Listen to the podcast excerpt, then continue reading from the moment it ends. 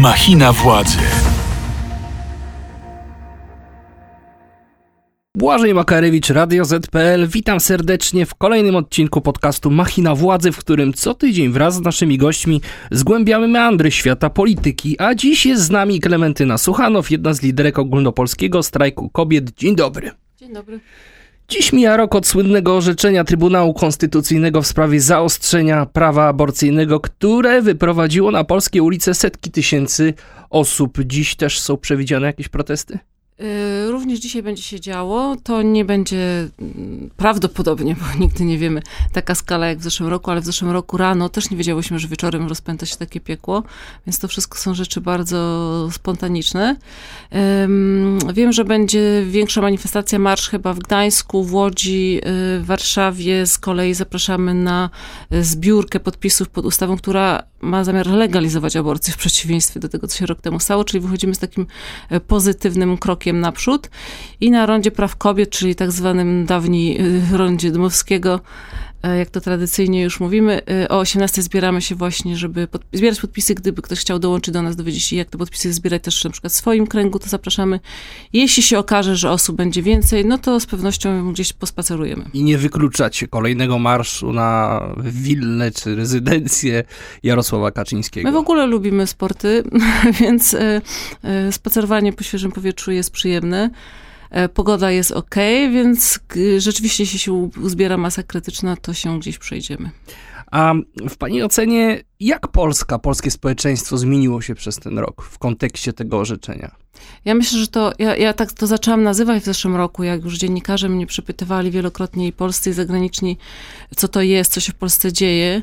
I ja to nazwałam, bo nie miałam już, nie, nie, nie przychodziło mi nic innego do głowy, jak to nazwać. Yy, nazwałam to po prostu rewolucją. Yy, my nie mieliśmy czegoś takiego jak rok 68 yy, na Zachodzie. My wtedy byliśmy zajęci innymi tematami. Rok 68 dla nas znaczy coś innego.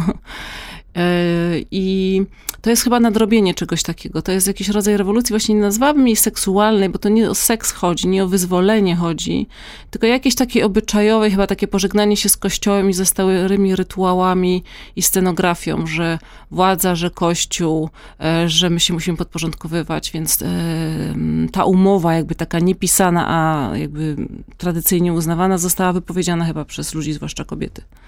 A nie ma pani takiego wrażenia, że te emocje i bunt, który pojawił się rok temu, jednak no nie poradził sobie z upływem czasu, że, że strajk kobiet y, podzielił los trochę innych ruchów protestacyjnych z ostatnich lat? Ja przypomnę tylko, że e, nasz ruch zaczął się w 2016 roku, czyli 4 lata przed tym, co się w zeszłym roku działo. I również e, wtedy, e, po tym wybuchu takich czarnych poniedziałków i tak dalej, mówiło się, że a, strajk kobiet się skończył, że go nie ma. My jako ruch jesteśmy wciąż zmobilizowane i zorganizowane, tak jak po 2016. Ale nie widać Działamy. Tego bo niektóre rzeczy nie są, że tak powiem, bardzo sexy, niektóre rzeczy są głośne, jak te protesty w zeszłym roku, a potem jest innego rodzaju praca, która się odbywa na innych poziomach. E, ja wiem, że w, mm, zwłaszcza dla osób, które dołączyły do nas w zeszłym roku i jakby w, dla nich strajk kobiet narodził się w zeszłym roku, e, mają taką, mają inną perspektywę po prostu, że to było, a potem nic się nie stało. Nie są przyzwyczajeni do takich długich dystansów, które, do których my już się przyzwyczaiłyśmy od 2016 roku, co mówię z wielką przykrością, bo po prostu uświadamiam sobie, ile lat już z mojego życia ta walka mi wyjęła, ale znam działaczki e, starsze wiekiem i no wiem, że to czasami po prostu właściwie zabiera całe no życie. Tak, bo to nie jest kwestia no. ostatnich pięciu, sześciu lat. Tak. Właściwie. To jest nadrabianie różnych zaległości, różnych nierówności. No to czym się teraz zajmuje się nie dało jeszcze wygładzić. Mówi pani o tych mhm. działaniach na różnych płaszczyznach. No to jak to wygląda? Z jednej strony mm, jest zbiórka tych podpisów i to jest dla nas taka priorytetowa rzecz. Do końca grudnia mamy czas, żeby te podpisy uzbierać. A to ma w ogóle sens co się, przy co się z tym stanie? No, Wiemy, że przy tym układzie niewielkim ma sens, być może, ale scena ta polityczna wygląda tak, że można sobie wyobrazić, że któregoś dnia wszyscy wiemy o tym, wszyscy szeptają o tym, mogą się odbyć jakieś przedterminowe wybory i nie wiadomo, co się po tych wyborach stanie na przykład. I wtedy taki projekt leży w szufladzie i jest po prostu odpowiedniego dnia wyciągnięty i na przykład można go procedować. Te projekty nie umierają z odejściem e, rządów, one po prostu są tam, bo to są projekty obywatelskie. Więc to jest jedna rzecz. E, druga rzecz, znaczy druga, po prostu wymieniam teraz tak z biegu kilka. E, nasz rząd y, marzy wciąż o wypowiadaniu konwencji antyprzemocowej, na przykład tak zwanej konwencji stambulskiej. E, I tutaj, widząc, że państwo po prostu zaniedbuje bezpieczeństwo nasze, mm, wyszłyśmy z takim pomysłem, zabezpieczania się same, że tak powiem. To jest taki program, który nazwałyśmy roboczo koleżanki i sąsiadki, w ramach którego po prostu osoby, które w różnych miejscach, miejscowościach są i są w stanie pomagać osobom, które doznają przemocy, do, dostają przeszkolenie, takie podstawowe, to nie będą nigdy osoby takie mm, profesjonalne jak w organizacjach pomocowych, ale to mają być takie latarniczki, osoby pierwszego kontaktu, które są gdzieś w danym rejonie rozpoznawalne jako takie i kiedy się coś dzieje, to się do nich zwraca i one wiedzą, co dalej robić, gdzie skierować takie osoby. A zupełnie inne jeszcze mm, mańki, ja na przykład e, rozpoczynam na jesieni, gdzieś może za miesiąc, taki program kursów, które będą uczyły E, ludzi, którzy się zgłoszą, jak walczyć, jak rozpoznawać, jak radzić sobie, jak walczyć z dezinformacją. To nam się wydaje coś, no, na, co, na co nikt nie zwraca uwagi, a dezinformacja w naszym kraju jest szerzona przede wszystkim przez rząd. No nie i ma fake żadnej newsy, fake i fake newsy, nie ma żadnej instytucji wystarczająco dużej i e, z autorytetem, która by nam pomagała w rozpoznawaniu tego.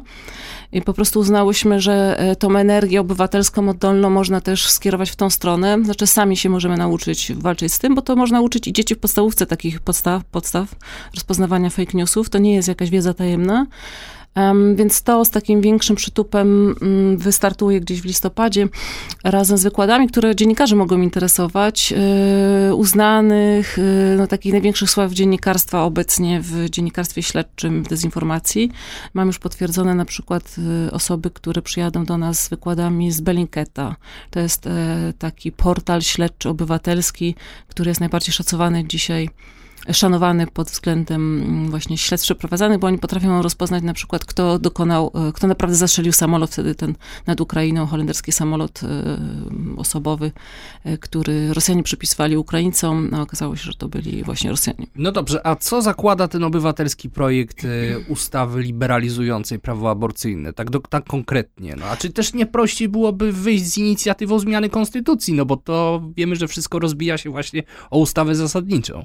Y, no, sprawa konstytucji rozbija się również o Trybunał Konstytucyjny, a Trybunał Konstytucyjny, wychodzimy wciąż z założenia, jest organem nielegalnie wybranym. Ale pamięta pani orzeczenie sprzed wielu, wielu lat, y, też w sprawie prawa aborcyjnego, kiedy był zupełnie inny skład Trybunału Konstytucyjnego i ono było bardzo podobne. Y, szczerze mówiąc, nasza taktyka, którą teraz przybrałyśmy, polega na tym, że przedsiębierzemy działania na różnych polach. Próbujemy z różnych stron.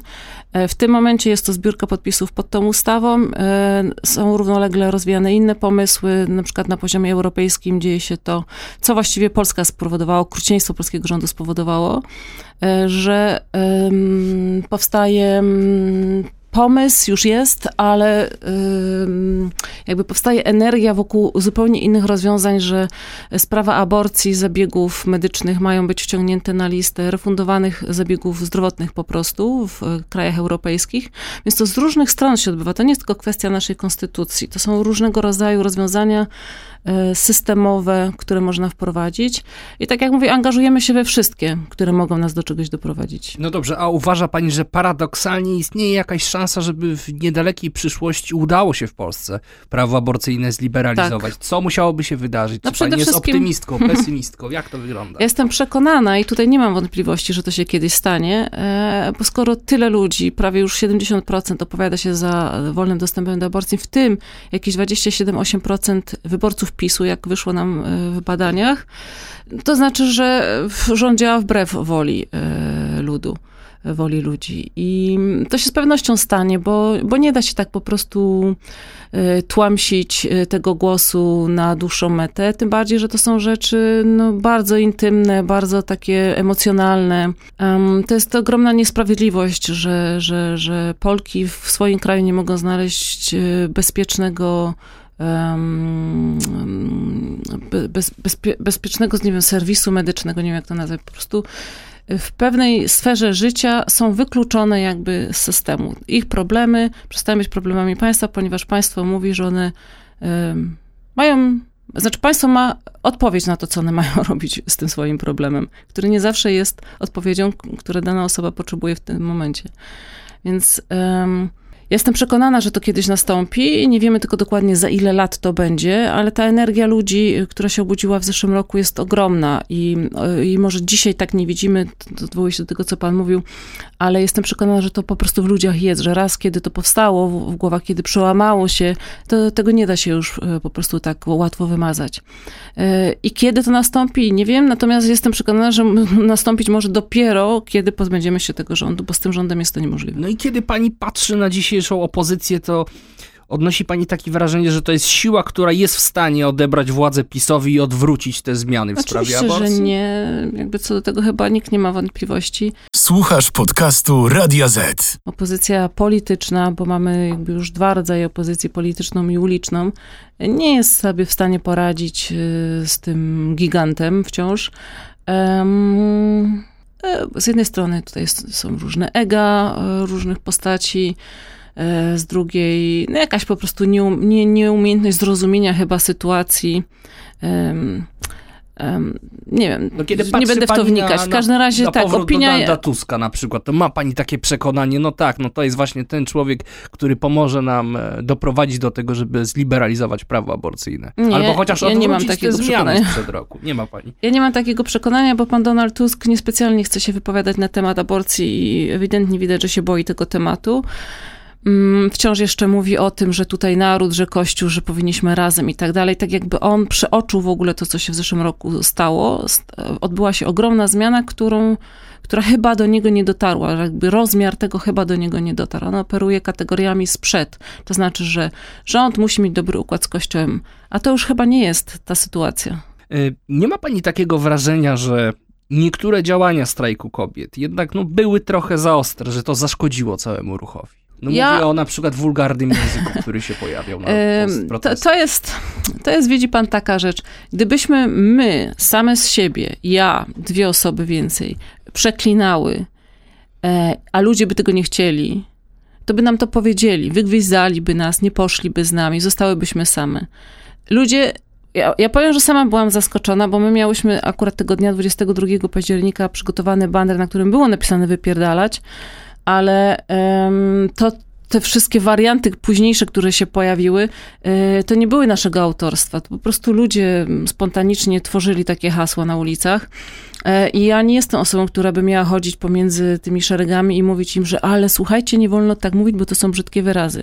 Jak jest protest, ludzie wychodzą z powodu dużych emocji, to muszą tym emocjom również dać upust.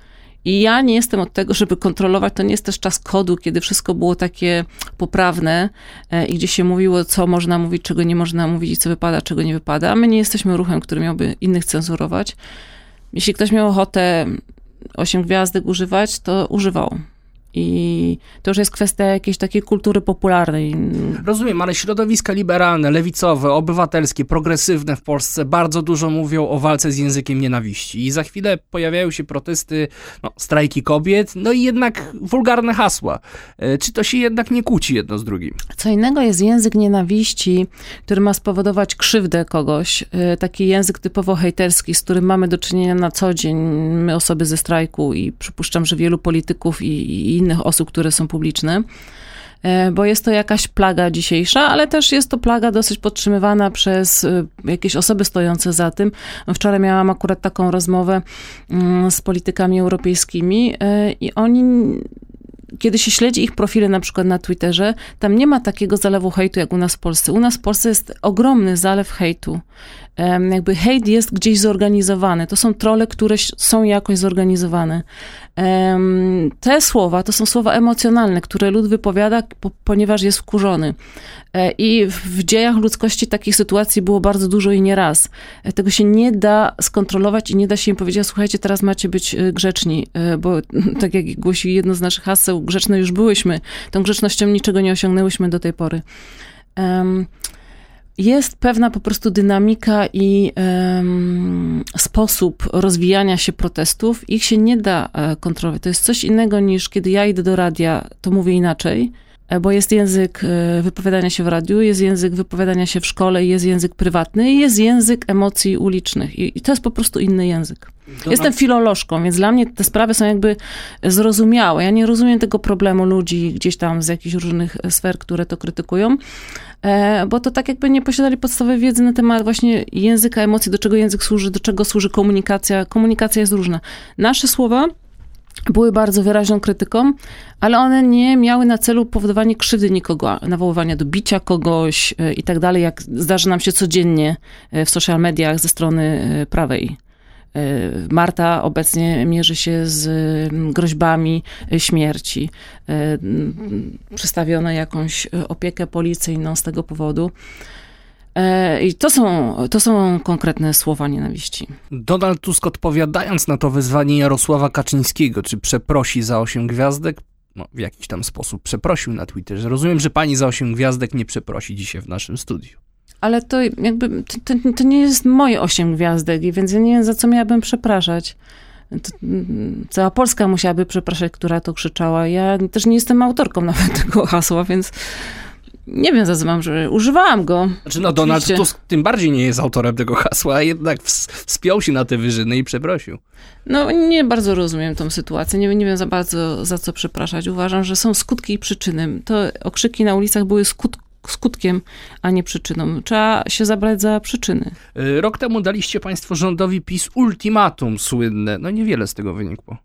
No jak widać nie, ten rząd niespecjalnie sobie ceni opinię e, społeczeństwa i to już się przekonałyśmy właśnie po raz kolejny.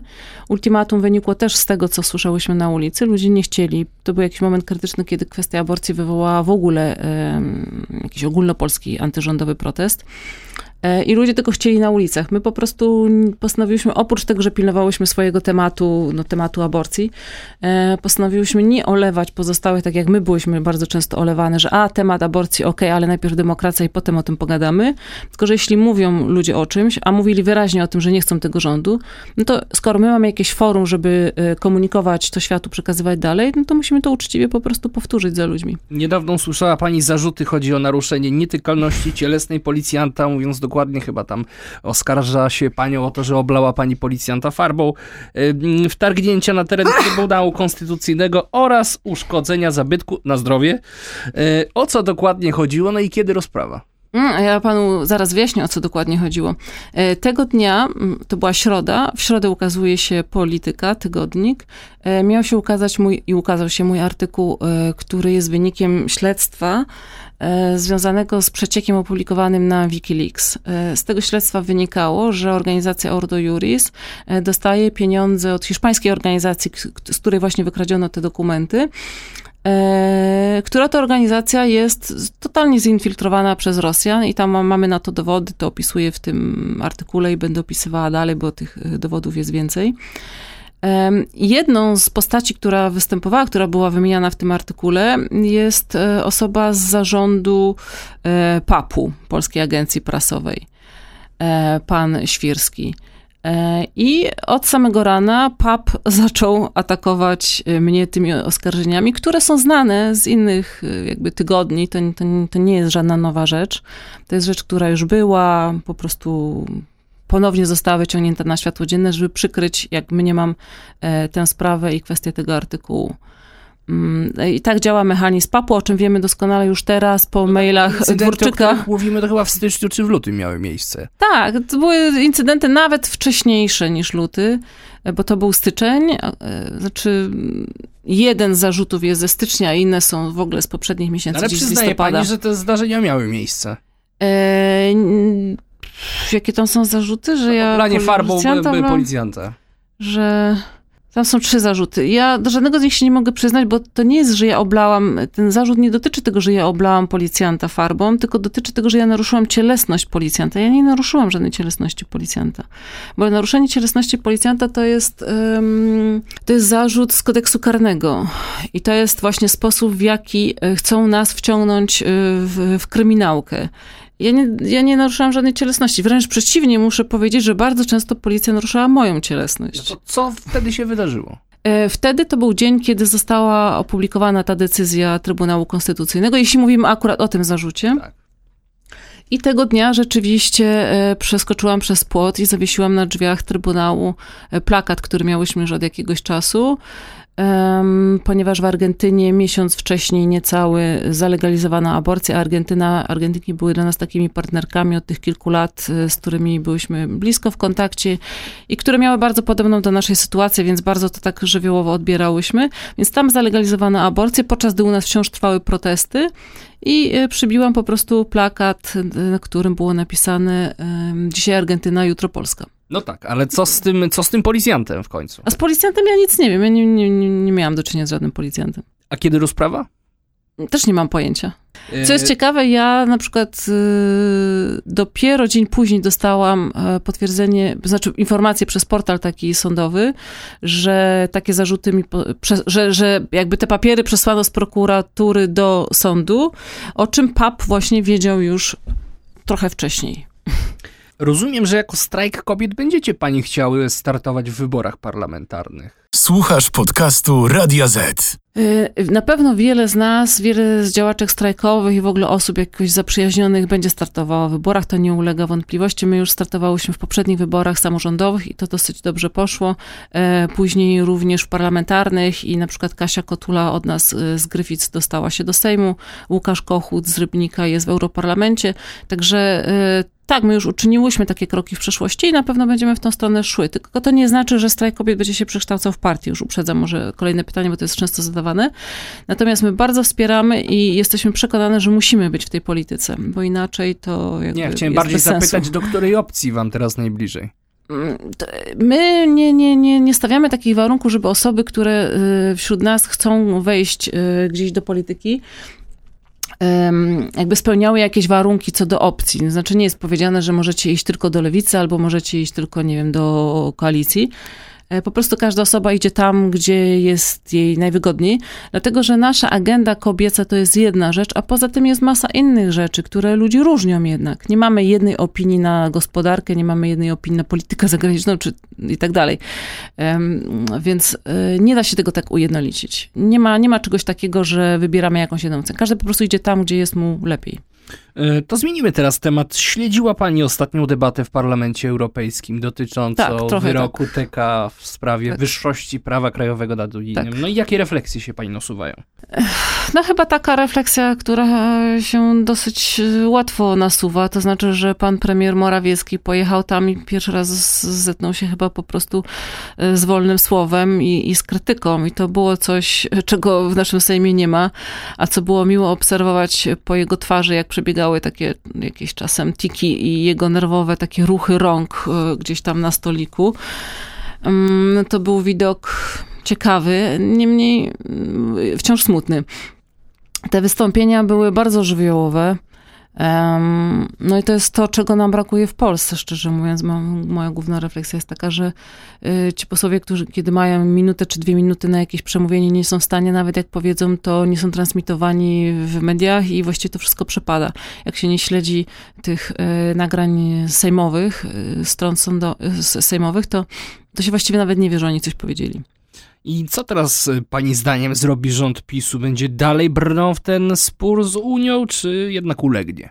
Ja myślę, że oni różnymi mm, unikami będą się starali podtrzymywać z jednej strony taką oficjalną narrację, którą Morawiecki tam wciskał, że Unia to okej, okay, że u nas jest szacunek dla wartości, że nigdy w życiu nikt by nie pomyślał, żeby z Unii wychodzić. No, a z drugiej strony doskonale wiemy, że ich interesy są totalnie sprzeczne z tym, co Unia ma do zaoferowania.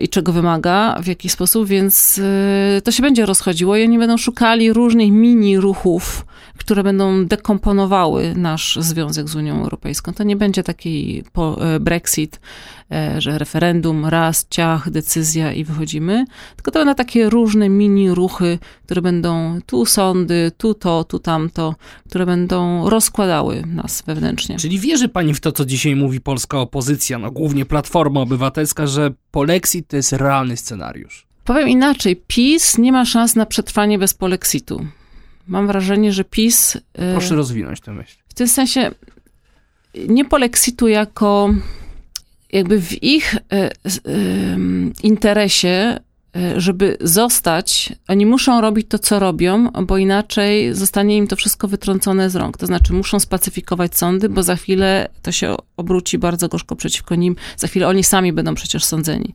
Więc oni muszą to robić, oni są zmuszeni. Nie tyle, właśnie może źle powiedziałam, do polexitu, co do wszystkich tych ruchów, które do tego polexitu tak naprawdę doprowadzą. Um, ale będą to robili tylko po to, żeby zabezpieczać własne tyłki. Czyli to nie jest y, taka proklamacja, nie stać ich na taką proklamację konfederacyjną, że tam Unia i. Znaczy, oni będą ciągle manewrowali pomiędzy jednym a drugim i udawali, y, ale ich własne be, y, bezpieczeństwo tak naprawdę wymaga tego, żeby oni wciąż dekomponowali i szli w tą dekompozycję. No a nie jest tak, że zarówno z jednej, jak i z drugiej strony te hasła konfrontacji z Unią i obrony przed polexitem, no są jednak wykorzystywane jedynie do walki o wyborców w Polsce. Że to jest taka instrumentalizacja tych tematów. Jest to instrumentalizacja, ale to jest groźna instrumentalizacja, bo to jest tak jak, jak, jak taka jakaś niepoważna zabawa z ogniem. Dziecko dostało zapałki i no fajnie, zabawa, zabawa i można to na tym poziomie też odbierać i to jest właśnie to, co PiS robi, ale e, to są mogą być z tego poważne skutki, tak? Znaczy dom można spalić takimi zapałkami. No tak, ale wiemy, że wyjście z Unii Europejskiej to nie jest taki łatwy proces. No widzieliśmy, jak wyglądał Brexit, ciągnął się kilka lat. I powiem pani szczerze, no jak patrzę na polityków Prawa i Sprawiedliwości, takich jak Jacek Sasin czy Marek Suski, to ciężko byłoby mnie przekonać do tego, że byli oni w stanie wyprowadzić nas z Unii Że im się coś uda. To może być tak, że, że to nie jest takie proste, natomiast z drugiej strony może się też pojawić ze strony Europy chęć jednak pozbycia się nas, więc e, wciąż wisi nad nami ten artykuł siódmy i nie wiadomo z której strony co się dopełni. W każdym razie jest to gra bardzo niebezpieczna i no, Polacy zdają sobie z tego sprawę. Te protesty ostatnio pokazały. Wsparcie dla e, zjednoczenia z Unią Europejską wzrosło. Więc to jest sygnał bardzo, bardzo wyraźny. Są, Ludzie to rozumieją. Są w Polsce miasta, gdzie nawet 70% uczniów wypisuje się z lekcji religii. To oznacza, że kontrrewolucja ministra Czarnka poniosła klęskę? To nie tylko Czarnka, tutaj więcej jest postaci, które poniosły klęskę. E, jest to ruch, który bardzo mnie cieszy. Powiem, że odczuwam ulgę, kiedy sobie o tym myślę, bo jeszcze moja córka, pamiętam jak siedziała na korytarzach samotnie e, od podstawówki wzwyż jako osoba, która nie chodziła. Właśnie. Więc to powodowało taką totalną izolację i samotność takiego małego dziecka, które nie chodziło a reszta chodziła nie z powodu przekonań, o czym wiem doskonale, bo ci rodzice mówili szczerze, tylko no, takie, że komunia, to, nie były poważne. No właśnie, bo kilka argumenty. lat temu to w ogóle było niewyobrażalne, tak. szczególnie tak. w mniejszych miastach, żeby e, młodzież tak masowo nie uczęszczała na lekcje religii. No a w tej chwili no, mamy do czynienia jednak z jakąś falą, z czymś to szczególnie jest istotnym. ta zmiana właśnie, która zaszła w społeczeństwie od zeszłego roku, zdecydowanie. To znaczy to narastało, bo były filmy, i różne informacje na temat pedofilii w kościele i w ogóle różne zachowania osób z kościoła, z tej instytucji, które no, nie wyglądały zbyt e, chwalebnie. E, I to się nazbierało, a te zeszłoroczne protesty chyba były kumulacją czegoś takiego, takim po prostu rozwodem. Kilka, szkół, kilka szkół na Pomorzu uczy już cnót niewieścich. Dziewczynom nakazano noszenie skromnego stroju, informuje lokalna gazeta wyborcza i nazywa to efektem czarnka. Mm, pani zdaniem polityka obecnego rządu odciśnie jakieś piętno na polskiej szkole i czy należy to w ogóle traktować w kategoriach e, krótkiego, nic nieznaczącego epizodu? Pamiętam, jak się emocjonowaliśmy Giertychem i jego reformami. Okazało się, że to było epizodem, po tym, co się w zeszłym roku stało i po tym, jak bardzo młodzi ludzie, którzy już się urodzili w Europie i to mam wrażenie zmienia bardzo, bardzo dużo, e, bo oni w swoim, bo znam to doskonale z przykładu mojej córki, która jest rocznikiem właśnie z tego momentu, kiedy do Europy wchodzimy, Um, oni mieli tę edukację, dzisiaj mówimy, że tego było za mało, ale to za mało było chyba po prostu dla osób dorosłych, natomiast dzieci miały tę edukację proeuropejską. Ja pamiętam, jak ona śpiewała Ode do radości, to była po prostu jedna z piosenek w szkole, które się uczyło. E, I, I oni to jakoś mają, to już im się inaczej w głowach układa. E, to jest już, to już jest młodzież europejska, po prostu. E, więc te wszystkie naciski, które będą przychodziły ze strony ministra Czarnka, mam wrażenie, że mogą odnieść skutek zupełnie przeciwny. I na to liczę, że ta młodzież sobie nie pozwoli wciskać takich kitów. Aczkolwiek niestety nieraz spowoduje to jakąś krzywdę i tragedię jakiegoś dziecka w szkole. A pani zdaniem hit to jest dobry pomysł? Słyszała pani o tym, o tym projekcie? Hit? Nie wiem, co to jest. Historia i tradycja, A. nowy przedmiot, który ma się pojawić w szkołach. E, No minister Czarnek ja, ja bym powiedziała, jeszcze, ja bym ale- powiedziała w ogóle, że z zasady jakikolwiek pomysł, który wychodzi ze strony Czarka, nie może być dobry po prostu, więc e, cokolwiek ten pan nie wymyśli, to, to, to, jest- to jest porażka. Z tego, co wiemy z pewnych przecieków, to jest przedmiot, który być może zastąpi wiedzę o społeczeństwie. No i będzie na nim oczywiście dużo historii, solidarności, żołnierzy wyklętych. Świetnie, wspaniale, gratuluję. Nie popiera pani tego pomysłu. No wydaje mi się, że historia świata, historia Polski również, e, ma e, dużo ciekawych rzeczy do o, powiedzenia e, dzieciom. E, I akurat e, nie mam nic przeciwko tem, tematowi żołnierzy wyklętych jako takich. No jest to fakt historyczny. Dobrze wiedzieć, że takie coś miało miejsce. Nie w tym sosie, w którym jest to podawane, bo mm, ja jestem badaczką i jednak wciąż odczuwam szacunek do faktów e, i nie da mi się wmówić, że rzeczy były inne niż były, skoro widzę, że e, fakty mówią co innego. Więc sama informacja o tym, że takie coś było, sama z siebie nie jest zła. Natomiast indoktrynowanie tym i robienie z tego jakiejś propagandy państwowej, właściwie partyjnej, no to pachnie bardzo niedobrze. Przypomina się natychmiast, ja jeszcze chodziłam do szkoły w latach 80. i pamiętam ten, ten klimat indoktrynacji, który nie był już taki mocny. Wciąż jednak były te akademie, wciąż były te jakieś piosenki i rewolucyjne wiersze. I mam wrażenie, że jak ktoś przejdzie przez coś takiego, to jest jak taki poligon, to naprawdę już raz na zawsze ma czegoś takiego dosyć. Nasze pokolenie lat 70. było w związku z tym bardzo apolityczne przez całe lata. I to jest też jakiś problem Polski właśnie, że ludzie mając dosyć tej indoktrynacji, stali się bardzo apolityczni. Natomiast ta młodzież dzisiaj przez tą indoktrynację widzę, że staje się wręcz przeciwnie właśnie bardzo polityczna. Ja nieraz się dziwię, bo wiem, że jakby w środowisku takiej młodzieży, którą znam, bardzo się dużo o polityce mówi, ale kiedyś w nocy szłam po mieście i słyszałam, że na ławce siedziała jakaś młodzież pijąca sobie piwo, ale kłócąca się o politykę. Tego nie było wcześniej. To jest nowe pokolenie, inne zupełnie, które, na które po prostu czekam, aż dorośnie i zacznie zmieniać tą Polskę, bo mam wrażenie, że oni naprawdę są tą dobrą zmianą, która nastąpi. Dziękuję bardzo za naszą dzisiejszą rozmowę. Słuchaliście podcastu Machina Władzy w Radio ZPL. Naszym gościem, gościnią właściwie, była Klementyna Suchanok z Ogólnopolskiego Strajku Kobiet. Do usłyszenia za tydzień. Dziękuję, do widzenia. Machina władzy. Więcej podcastów na player radioz.pl.